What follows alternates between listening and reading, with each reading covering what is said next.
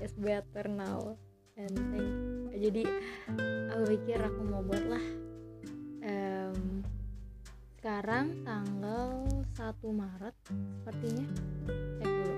Oh 2 Maret 2021 jam 14.59 um, aku nggak tahu aku mau bahas apa tapi um, semoga mood baik aku ini nggak tahu cocok untuk uh, pas lagi dengernya ketika lagi nggak mood atau sebetulnya cocoknya pas lagi mood. Jadi aku feeling kalau misalkan hal ini adalah suatu hal yang aku butuhkan gitu loh. Kadang mood baik itu lebih menyenangkan gitu. Walaupun aku tidak pungkiri kalau misalkan ketika kita moodnya baik itu belum tentu kita jadi orang yang salah ataupun kita menyalahkan diri kita akan tidak mutan yang tidak baik gitu. Jadi uh, karena hari ini mood aku lagi baik dan aku lagi bahagia aku pikir aku mau coba bahas gitu. Jadi uh, alasan apa sih yang bikin aku moodnya baik? Aku kadang nggak terlalu paham sih kenapa ya bisa moodnya baik hari ini coba.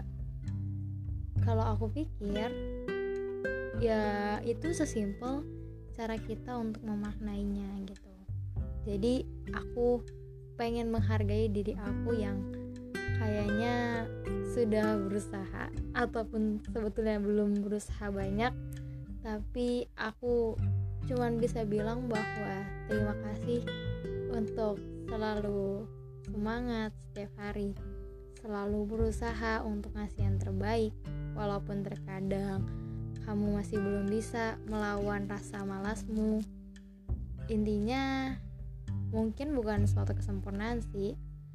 Kayak ya terima kasih. Aku hari ini cuma mau bilang terima kasih. Terima kasih banyak Alifa yang selalu berusaha. Oh terima kasih banyak Alifa yang selalu mencoba untuk membuat orang lain bahagia. Ibaratnya gini aku itu kan uh, punya adik yang benar-benar super dingin gitu. Jadi kalau misalkan dia dideketin responnya adalah kesel marah kayak feeling bahwa aku adalah pengganggunya gitu. Dan sometimes is it true kayak emang sih terkadang dia bener mikir kalau aku tuh mengganggu karena jujur itu feel not comfortable banget ketika aku selalu deketin-deketin. Aku ketika berasa di posisi dia kayaknya aku juga akan melakukan hal yang sama. Cuman um, entahlah pokoknya aku merasa sepertinya aku akan kesel juga ketika aku dideketin. Tapi ada satu sisi lain yang aku berpikir bahwa ketika aku mencoba untuk dekat dengan Ali artinya aku nggak punya gap di antara aku sama dia. Jadi aku mau dia biarin aja dia marah sama aku. Tapi intinya Duh ini baik banget sih WA muncul-muncul mulu WA lah lain lah pasti bunyi-bunyi. Uh, intinya adalah uh, ini adalah cara aku untuk bisa deket sama dia gitu loh.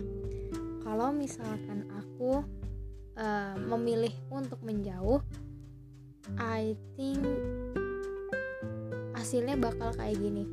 Ketika aku memilih uh, cara untuk ya udah aku ikutin yang mau dia terus aku diem aja sendirian aku ngerjain tugas aku aku nggak respon respon bukan respon aku nggak say hi sama dia gitu. Ya ibaratnya itu bukan memperbaiki keadaan itu akan membuat kita semakin renggang uh, persaudaraannya. Jadi aku nggak tahu sih sebetulnya setiap apa yang kita pilih dari dua opsi tadi itu mungkin punya kelebihan dan kekurangannya. Dan aku tahu itu I know it. Kalau misalkan uh, bakal nyebabin dia merasa terganggu. Tapi uh, maybe just a little bit step by step dia akan memahami dan ketika aku entahlah aku ke Surabaya atau bagaimanapun dia baru bener-bener akan ngerasa gitu loh. Kalau misalkan aku, aku tuh dia kehilangan aku gitu jadi itu yang aku mau tanemin. Dibandingkan aku diem ketika aku nanti udah ke Surabaya maybe for everything mungkin dia nggak akan nyariin aku. Itu yang jadi penguat aku. Aku pengen maksimalin waktu yang aku punya. Jadi uh, aku juga pengen ada jadi ibaratnya peri kecil lah ya. Kenapa karena aku tahu di masa-masanya dia dia punya masalah yang mungkin berat gitu yang kadang dia itu nggak bisa ngendalin emosi yang dia punya. Nah it's puberty moments jadi dia masih emosional emosionalnya itu nggak stabil kadang suka meledak-ledak marah-marahnya. Dan ya yeah, sometimes it is very I feel afraid maybe but ya oke. Okay. apa yang kamu lakuin gitu loh? Aku kan yang tadi bilang aku berpikir lagi um, is it my circles? Jadi circle itu maksudnya apakah ini lingkaran pertamamu yang di mana kamu benar-benar ngerasa membutuhkannya? Atau sebetulnya ini berada di lingkar terluar yang sebetulnya kamu nggak perlu pikirin dan nggak perlu mikirin orang tersebut. Dan aku sudah menjawab jawaban itu dan aku menganggap Ali sebagai circle pertama aku. Dan aku pengen aku bisa ngebantu gitu loh jadi aku pikir cara untuk kita bisa memiliki hubungan yang baik adalah dengan komunikasi. Jadi semakin aku banyak komunikasi, walaupun maybe the response is very bad for me, um, itu adalah uh, step by step akan mengerti dan akan lebih baik mungkin.